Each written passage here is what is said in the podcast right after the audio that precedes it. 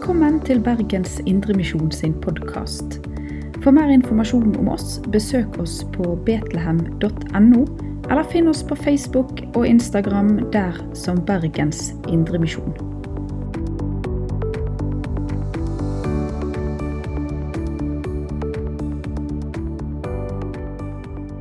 Vi tar med oss et vers fra Salme 119. Åpne øynene mine, så jeg kan se det underfulle i din lov. Søndagens tekst i dag, på andre søndag i treenighetstiden, er hentet fra Matteus kapittel 3, vers 11-12. Og Der hører vi om Johannes døperen som vitner om Jesus sin tjeneste i sammenligning med hans egen. Og Det er en litt vanskelig tekst. Det er bare to vers, men de to versene stikker dypt, og de omfavner enormt mye. Men vi skal prøve å gå inn i alt som de to versene har å by på, så langt det rekker i dag. Vi skal prøve å legge det ut. Versene de oppsummerer Jesus sin tjeneste både til frelse, men òg til dom. Vi leser Matteus 3, vers 11-12. Jeg døper dere med vann til omvendelse. Men han som kommer etter meg, er sterkere enn jeg, og jeg er ikke verdig til å ta av ham sandalene. Han skal døpe dere ved Den hellige ånd og ild. Han har kasteskovlen i hånden, og han skal renske, rense kornet på treskeplassen. Hveten sin skal han samle i låven, men agnet skal han brenne opp med en ild som aldri slukner. Kjære Herre, må du velsigne denne stunden vi skal ha her nå.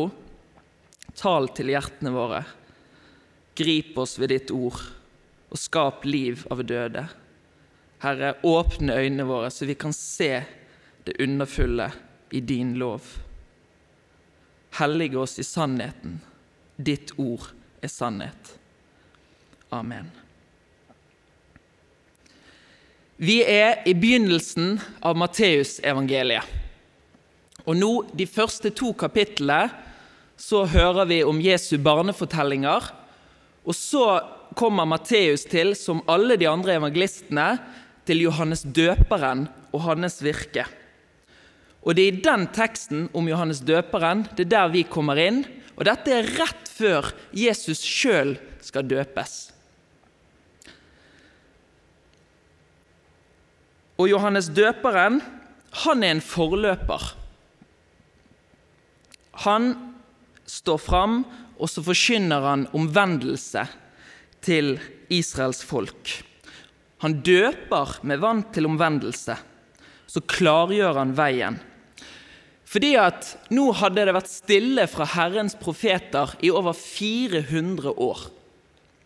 Siden den siste profeten i Det gamle testamentet, Malaki, så hadde det gått 400 år med stillhet fra Herrens profeter, før nå Johannes døperen, som den siste profeten i, gamle, i den gamle pakt, står fram og vitner om Jesus. Og Det er litt spesielt, for Johannes døperen er jo den som får lov til å introdusere Messias. Hele Det gamle testamentet hadde vitnet om Messias som skulle komme. Og så er det Johannes døperen som får gjøre dette. Hva er det Johannes døperen skal gjøre? Han må pløye jorden. Han må klargjøre veien for at Messias skal entre banen, for at Jesus skal entre banen. Vi hører i den siste boken i Gamle testamentet, Malaki, der leser vi i det fjerde kapittel sånn som dette. Se, jeg sender profeten Elia til dere før Herrens dag kommer, den store og skremmende. Han skal vende fedrenes hjerter til barna og barnas hjerter til fedrene, så jeg ikke skal komme og slå landet med bann. Og Noe lignende leser vi i Lukas 1. Der står det òg om dette, om Johannes døperen. Han skal få mange i Israel til å vende om til Herren, deres Gud. Han skal gå i forveien for Herren med samme ånd og kraft som Elia. Så det er en parallell mellom Elia, domsprofeten i Det gamle testamentet. Han husker vi var en ildprofet til Johannes døperen, som nå står og forkynner omvendelse. Han hadde kvasse ord til de som hørte på. Men dette var for å klargjøre veien, vende hjertene tilbake til Herren. Og selv om Johannes døperen faktisk hadde samme kraft som Elia, og vi vet hvor mye kraftige gjerninger Elia fikk lov til å oppleve Selv om Johannes døperen har det samme, så sier han at det kommer en etter meg som er mektigere enn meg, som er sterkere enn jeg. Og han sier at han ikke er verdig til å bære skoene hans. Og på den tiden så var det sånn at å bære skoene til noen, det var bare en slaves arbeid. Ja, kanskje det, ring, det ringeste blant slavene å bære skoene eller å løse sandalremmen til noen. Men Johannes døperen sier i sammenligning med Jesus er ikke jeg verdig til det engang. Han vil skape et stort skille mellom seg sjøl, sin tjeneste og det Jesus kommer med. Det kommer en som er sterkere enn Johannes.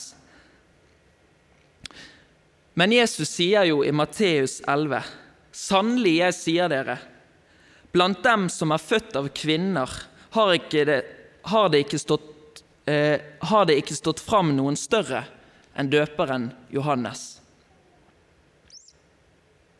Johannes er fullstendig klar over hvem Jesus er selv om han ikke hadde grepet alt, og han kom jo i tvil seinere òg. Er Jesus virkelig den som skulle komme? Men han hadde grepet noe, og han vet at Jesus var mektigere enn han. Johannes døperen døpte med vann til omvendelse, men han sier at det er en som skal komme og døpe med Den hellige ånd og ild. Å døpe med, med vann, det var det Johannes skulle gjøre. Men han visste at han kunne ikke gjøre det som Jesus skulle gjøre. Det er noe Johannes ikke kan, og det å døpe med Den hellige ånd og ild. Og Vi snakket i sted om at nå er vi på en måte i mellomsjiktet mellom Det gamle testamentet, den gamle pakt og den nye pakt. Og så kommer Johannes døperen inn og på en måte introduserer Messias med den nye pakt. Og det står omtalt, Den nye pakt står omtalt flere plasser i Det gamle testamentet.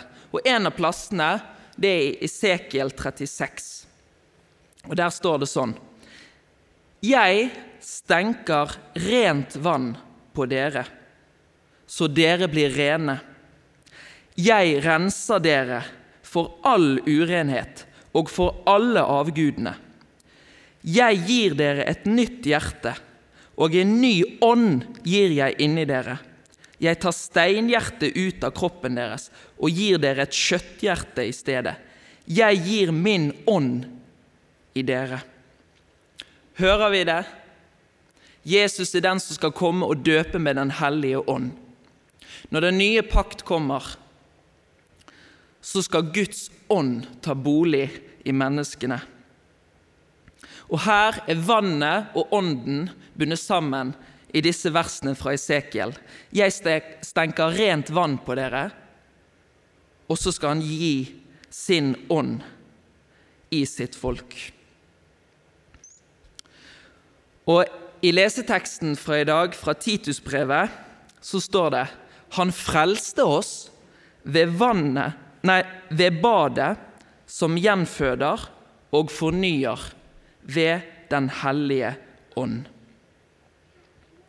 Og saken er jo det at et menneske i seg sjøl, åndelig talt, er fullstendig dødt. Det kan ikke gi liv til seg sjøl. Det må et under til ved Den hellige ånd. Hvis ikke Gud kommer og blåser liv inn i mennesket, akkurat som han gjorde eh, ved skapelsen, som vi leser ved skapelsen, at Gud blåste livets pust, ånde, inn i Adam, og han ble til en levende sjel. På samme måte må Den hellige ånd blåse liv inn i et menneske, føde det på ny, dersom det skal komme inn i Guds rike, bli født på ny. Dette hadde ikke døperen Johannes makt til. Han døpte med vann, men han som kommer etter Johannes, er sterkere enn han. Han skal døpe med Den hellige ånd. Og Nå er det to søndager siden vi har feiret pinse. Og på pinsedagen så øste, så ble Den hellige ånd øst ut. Det er jo det som Joel taler om, profeten Joel, at Gud skal øse ut sin ånd over alle mennesker. Og Nå skjer det i større omfang. Vi vet jo det at David hadde Den hellige ånd i Det gamle testamentet. I Salme 51 så leser vi 'Ta ikke din hellige ånd fra meg' men nå i større omfang og til alle mennesker. Alle som vil tro på Herren Jesus, så er han mektig til å døpe med Den hellige ånd. Å bli døpt i Den hellige ånd, det handler om å bli en kristen. Det handler om å bli født på nytt.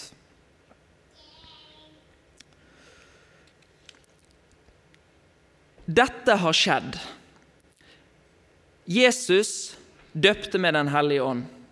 Og det har skjedd helt fram til vår tid. Men det neste som står fra vår prekentekst, det har ennå ikke skjedd. Det står jo i prekenteksten 'Han skal døpe dere med Den hellige ånd'. Men så kommer det som ennå ikke har skjedd og ild. Og gjennom hele Bibelen så er ild det er forbundet med dom. Dommen, den endelige dommen, er ennå ikke kommet. Og I Lukas 12 så sier Jesus, 'Ild er jeg kommet for å kaste på jorden, hvor gjerne jeg ville at den alt var tent.' Dette sier han i forbindelse med sin gjenkomst. Når Jesus en gang kommer igjen, så skal han døpe med ild. Da kommer dommen. For du skjønner det at Jesus, han er Guds lam. Han er det uskyldige Guds lam som slaktes for verden, for at hvert menneske som tror på han, ikke skal gå fortapt, men ha evig liv. Han er det uskyldige lammet. Men det står òg i åpenbaringsboken om de som vil at fjellene og berghamrene skal falle over dem og skjule dem for ansiktet til Han som sitter på tronen, og vreden fra lammet. Det er begge deler. Og Jeg tenker vi skal lese vers 12 en gang til. Han har kasteskovlen i hånden og skal rense kornet på treskeplassen. Hveten sin skal han samle i låven, men agnet skal han brenne opp med en ild som aldri slukner. Og Før jeg forberedte denne talen, her, så visste ikke jeg hva en kasteskål var for noe. Så ærlig må jeg være. Men jeg har lest meg opp litt. Og sånn som jeg har forstått det, så er det det at når de skulle høste inn korn, så måtte jo de etter de hadde høstet inn, måtte de kutte det opp i småbiter. Og så måtte jo altså da kornet og agnet bli løsnet fra hverandre, og dette gjorde de gjerne med en treskeslede, altså en sånn treplate med spisse steiner under, som en okse eller en hest dro bortover over kornet, og da løsnet kornet fra agnet. For du vil ikke spise agn eller ha det i, i bakverket ditt. Og så tok de denne kasteskovlen, som var som en stor tregaffel, eller en sånn spade. Så tok de kornet og agnet og det oppi den, og på ettermiddagen, når vinden blåste litt, så kastet de dette kornet opp i luften. Og når vinden blåste, så blåste disse agnet og det som var så lett, det blåste vekk. Men kornet pga. sin tyngde falt rett ned igjen. Og På den måten klarte du å skille kornet fra agnene. Og så brukte de disse agnene til brensel, men kornene fikk jo de da samlet i låven og brukt eh, til det det skulle. Det er et skille her.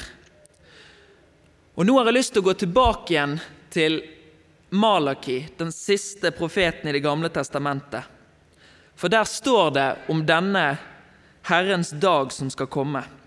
Se, dagen kommer den brenner som en ovn. Alle frekke og alle som gjør urett, skal da være som halm. Dagen som kommer, skal brenne dem opp, sier Herren over hærskarene. Verken rot eller grein blir igjen, men for dere som frykter mitt navn, skal rettferds sol gå opp med legedom under sine vinger. Dere skal slippe ut og hoppe som kalver. Da skal dere tråkke de urettferdige ned. De skal være støv under føttene deres den dagen jeg griper inn, sier Herren over hærskarene. Når Jesus kommer igjen, så blir det et skille. Når Herrens dag kommer, så blir det et skille. Jesus skal døpe med ild. Og dommen det er illustrert på mange måter i evangeliene. Og I Matteusevangeliet har vi flere lignelser. Og vi har f.eks. det som Jesus forteller om i Matteus 25, eh, på dommens dag, når han skal skille, akkurat som en gjeter skiller sauene fra geitene sine, så skal Jesus skille folkene fra hverandre. Så Bibelen er krystallklar på at livet, det har to utganger. Livet her på jorden har to utganger. Jesus sier at det finnes en smal vei, og den har en trang port. Og så finnes det en brei vei, og den har en port som er vid. Og mange er det som går på den, sier Jesus men få er de som finner den trange porten og den smale veien som fører til livet. Fortapelsens realitet Det er noe som jeg tror det norske folk mener har gått ut på dato. Og noen spotter de som kan tro på at Gud kan finne på noe så fælt som å dømme mennesker. Og Skandinavia, Norge, Sverige og Danmark er kanskje noen av de mest sekulære landene i verden. Gudstroen og det lyset som vi har fått, det virker å forsvinne mer og mer. Og hva er det som har skjedd? Jo, når Gud ikke lenger anses som skaper, så er han heller ikke den som har rett til å dømme sin skapning. Når Gud ikke er skaper, så trenger vi vel ikke Han som dommer heller. Og så tenker folk Eller det kan hende at folk ikke tenker så mye på det. Vi lever i en overfladisk tid det er så mye underholdning på alle kanter. Og hvor mye vi får reflektert over livet. Hvorfor er jeg her? Hvem har skapt meg? Fins det en evig mening med mitt liv? Jeg er ikke sikker på at alle har tid til å reflektere over det. Og det er det vi leser òg om det store gjestebudet som Jesus forteller om. Folk var opptatt med dagliglivet, med å gifte seg. En skulle pløye på åkeren, eller han hadde kjøpt et par okser og kunne ikke komme. Selv om de var innbudt. Vi lever i en tid der vi kanskje ikke får stoppet opp så mye og tenkt over det evige perspektivet på livet. Og nå, når vi lever som jeg sier, i en sekulær tid, så blir gudstroen mer og mer dempet ned.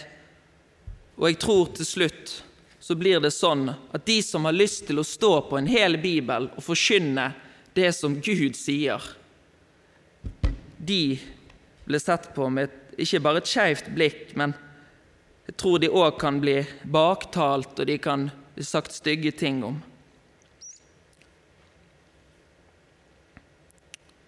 Men det spiller ingen rolle hva Norge skulle mene, kulturen her. Vi lever i en kultur i en bestemt tid, på en bestemt plass her.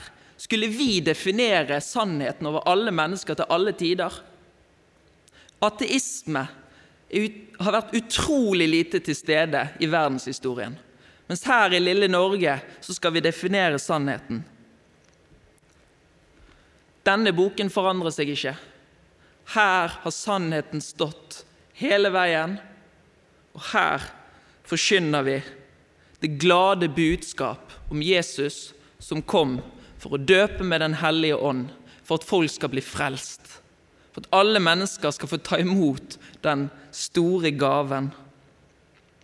Gud er god, og han er òg en rettferdig dommer. Vi skal være veldig glad for at Gud er en rettferdig dommer. Alle vil ha en rettferdig dommer.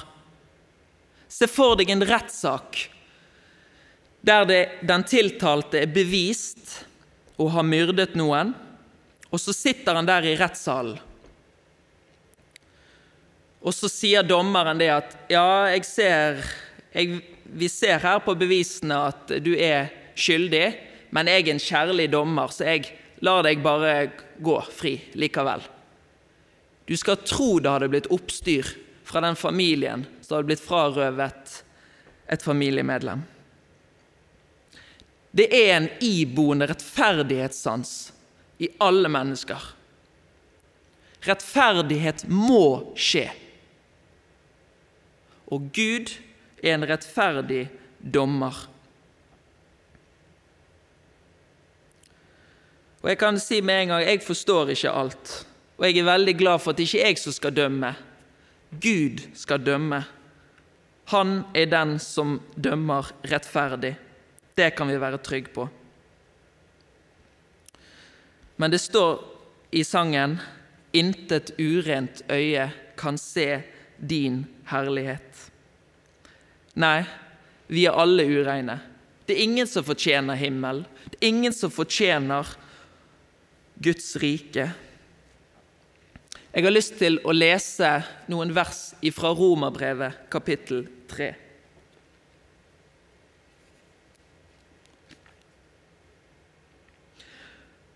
Og Der står det i vers 19-24 Hør på dette.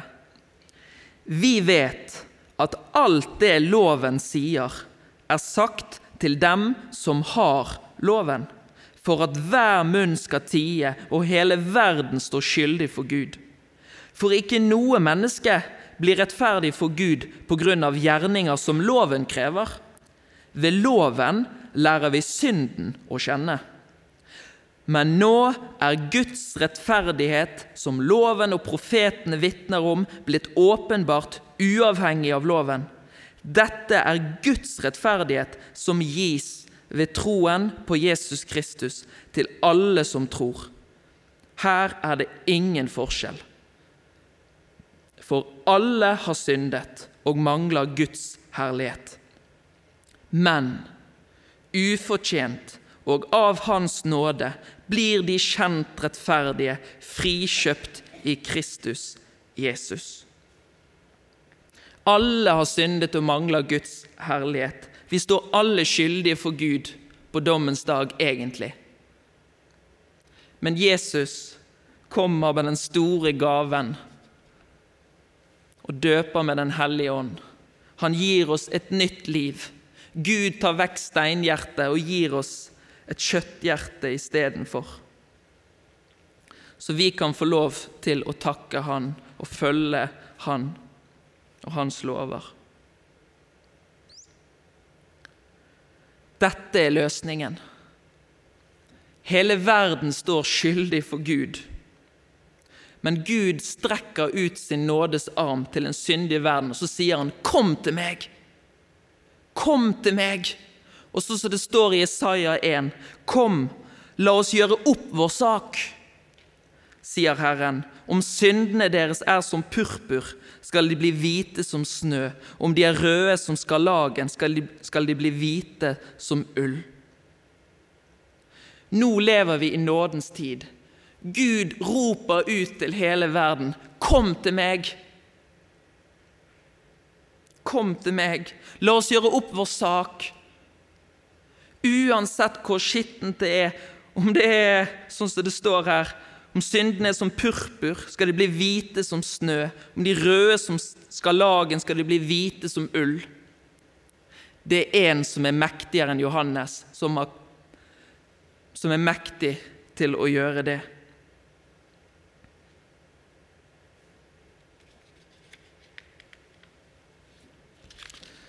Jesus kaster ut livbøyen. Og mennesker når de får høre Guds ord, så får de en livbøye som de må ta imot. Og dette skjer ikke ved at vi bestemmer oss, at vi tar oss sammen. Nå skal jeg leve et hellig liv. Men det handler om å innse, om å falle sammen, og dette på Jesus Kristus. Jeg får det ikke til. Du er den evige Gud. Og foran han på dommens dag så er mennesker som små maur. Vi må innse realitetene med perspektivet på livet. Og foran en sånn Gud så trenger jeg Hans nåde. Det spiller ingen rolle hva jeg har å stille opp med. Men Jesus, han har tatt min dom på seg allerede. På Golgata så tok han vår dom. Så vi skal ikke foran dommen, vi. Vi skal jo foran Kristi domstol, sånn, men vi skal egentlig ikke foran dommen, for dommen ligger bak oss. Alle de som har tatt imot Jesus Kristus. Og Jeg vil avslutte med et vers fra sangen 'Klippe du som brast for meg'. Og Måtte dette være en bønn som alle mennesker får lov til å klynge seg til. Ved hvert flyktig åndedrag og i dødens favnetak, når til ukjent land jeg går og jeg for din domstol står, klippe du som brast for meg, la meg gjemme meg i deg. Amen. Ja, kjære Herre Jesus. Takk for at du kom og døpte med Den hellige ånd. Og en dag skal du komme igjen og døpe med ild. Det er store ting, dette her. Men takk for at du har ordnet opp, Jesus. Takk for at du rekker ut din arm til denne verden og sier 'Kom til meg'. Alt er ordnet opp. Kjære Jesus, måtte folk og land vende seg om til deg. Måtte de innse at du er Gud, du er deres skaper, du er den som òg har frelst dem. Måtte de få lov til å høre og ta imot. Hør, så skal dere leve. Amen. Du har lytta til Bergens Indremisjon sin podkast. For mer informasjon om oss, besøk oss på betlehem.no, eller finn oss på Facebook og Instagram der som Bergens Indremisjon.